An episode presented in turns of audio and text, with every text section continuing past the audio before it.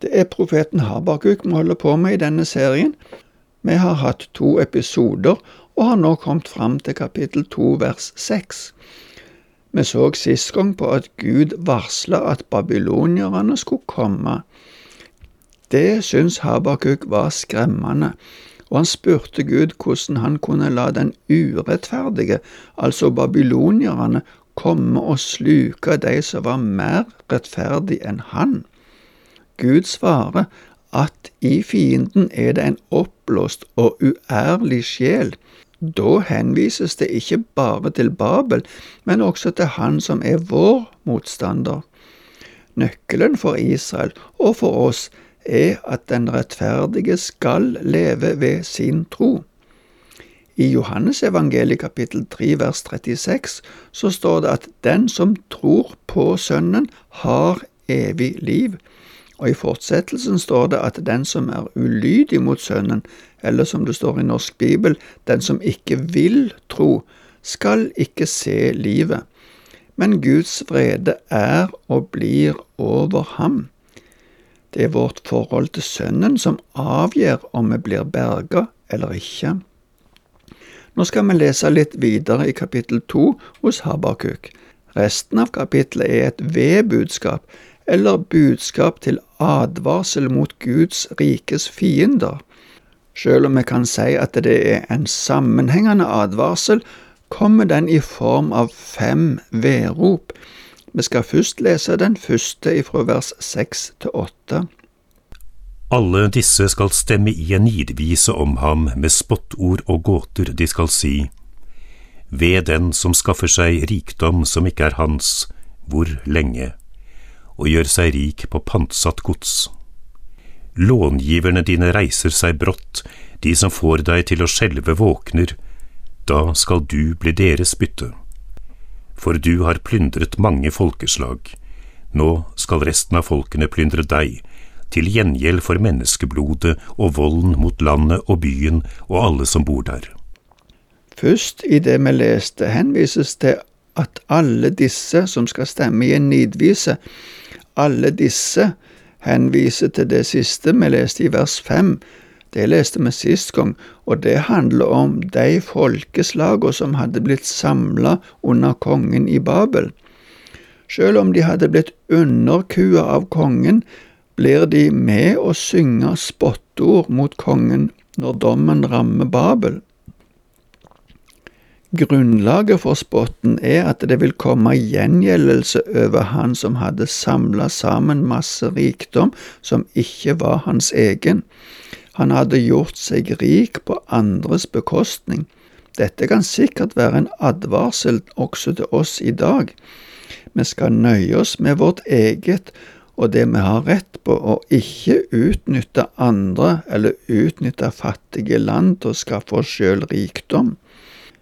Det som her oversettes med långiverne dine, blir i noen andre bibler oversatt som de som skal pine deg, eller de som skal bite deg. Långiverne, eller kreditorene, som også noen oversetter det, vil sørge for å få tilbake sine verdier. Det vil koste Babel dyrt. De har forbrutt seg på mennesker med vold og drap. Det neste V-utsagnet er fra vers 9 til 11. Vi leser det nå. Ved den som skaffer seg urett vinning til sitt hus og legger redet sitt høyt for å berge seg fra ondskapens hånd. Til skam for ditt hus har du planlagt å gjøre ende på mange folk. Du setter ditt eget liv på spill. For steinen i muren skal rope, og bjelken i treverket skal svare. Det nevnes igjen den urettmessige vinningen. Å skaffe seg rikdom ved utpressing og maktmisbruk var strengt forbudt i Moseloven. Det blir også i de fleste andre samfunn og kulturer sett på som noe negativt. Den som gjør det, setter sitt eget liv på spill, sies det her. Bildet utvides ved at steinen i muren og bjelken i treverket vil rope på hevn. Grunnlaget for rikdommen smuldrer. Vi fortsetter til det neste vedropet og leser ifra vers 12 til 14. Ved den som bygger en by med blod og grunnlegger den med urett. Se, dette kommer fra Herren over hærskarene.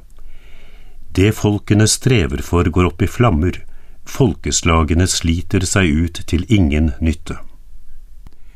Jorden skal fylles med kunnskap om Herrens herlighet, slik vannet dekker havbunnen.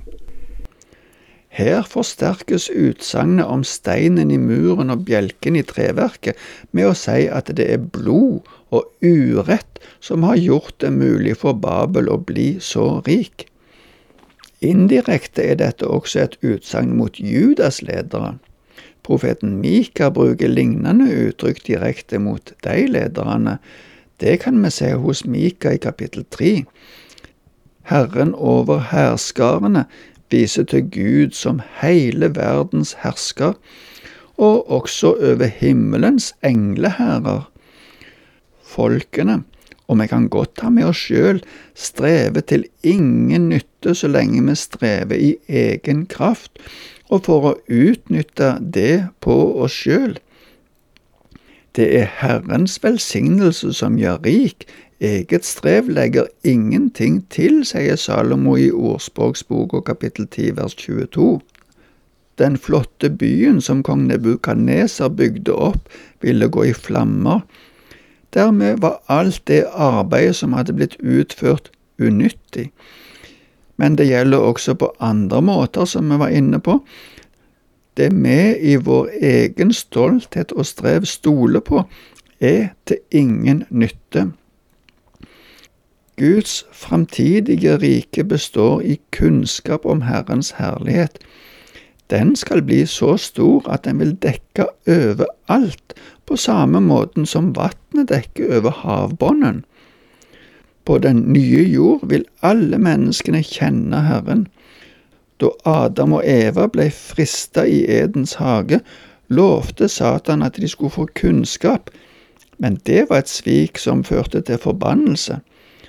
Men når alle ting blir gjenoppretta, vil menneskene på den nye jord få fullstendig kunnskap ifra Gud. Det er det alt misjonsarbeidet går ut på. Vi skal være med å bringe ut i hele verden budskapet om hvordan folk kan få kunnskap om Gud, og om muligheten til å komme tilbake til Han. Etter dette streifet av lys vender profeten tilbake til vedropa. Vi leser videre ifra vers 15 til 18. Ved den som skjenker sin neste, blander gift i drikken og gjør ham beruset for å se ham naken. Du blir mett av skam og ikke av ære. Så drikk du også, og vis at du har forhud. Begeret i Herrens høyre hånd skal komme til deg, og din ære skal skjules av skam. Volden mot Libanon skal komme over deg, mishandlingen av dyrene skal ramme deg. Du utøste menneskers blod, øvet vold mot landet og byen og alle som bor der. Hva hjelper et gudebilde som en håndverker har skåret ut? Et støpt bilde som gir falske svar? Men håndverkeren stoler på sitt eget arbeid og lager stumme avguder. Det første utsagnet her viser gjerne til seksuell utnyttelse. Det er det noen som opplever også i vår tid. I Babel var nok dette en måte der de rike kunne utnytte de som var fattige, eller de som hadde kommet fra andre land. De hadde jo liten verdi. Fortsettelsen av vedropet utfordrer kongen og de rike i Babel til også å drikke både sin egen skam og også av straffen som kommer ifra Herren. Henvisningen til forhud peker på at de ikke hørte til Guds folk som var omskåret. I den nye pakt er omskjærelsen egentlig vårt forhold til Jesus. Det er hjertets omskjærelse. Det forklarer Paulus i Romerbrevet kapittel 2. Både babylonierne og alle de andre nabofolket ba til avguder av forskjellige slag.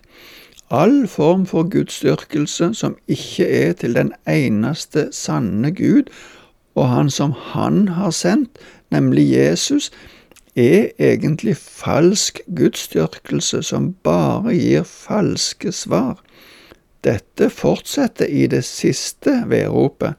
Det er de to siste versene i kapittel to. Ved den som sier våkn opp til en trestokk, stå opp til en målløs stein. Hva slags svar kan den gi? Visst er den kledd i gull og sølv, men det er ikke ånd i den. Herren er i sitt hellige tempel, vær stille for ham, hele jorden. De gudene babylonierne ba til, var jo bare trestokker. Disse stokkene, og også all annen falsk gudsdyrkelse, ville ikke kunne gi noe svar. Men Herren er i sitt tempel, det peker på at Israel tilba den eneste og sanne Gud. Selv om tempelet senere ble ødelagt, er ikke Guds makt ødelagt. Salomo, som bygde tempelet, sa jo også at Gud var mye større enn det tempelet han bygde, og det kunne ikke romme han. Slik er det også i vår tid. Gud er Gud om alle mann var døde, Gud er Gud om alle land lå øde. Derfor gjelder det som Habakuk sier på slutten av det vi leste, at vi er stille for Han. Det er Han som er Herre. Han regjerer. La oss stole på Han og tilbe Ham. Takk for i dag, og Herren være med deg.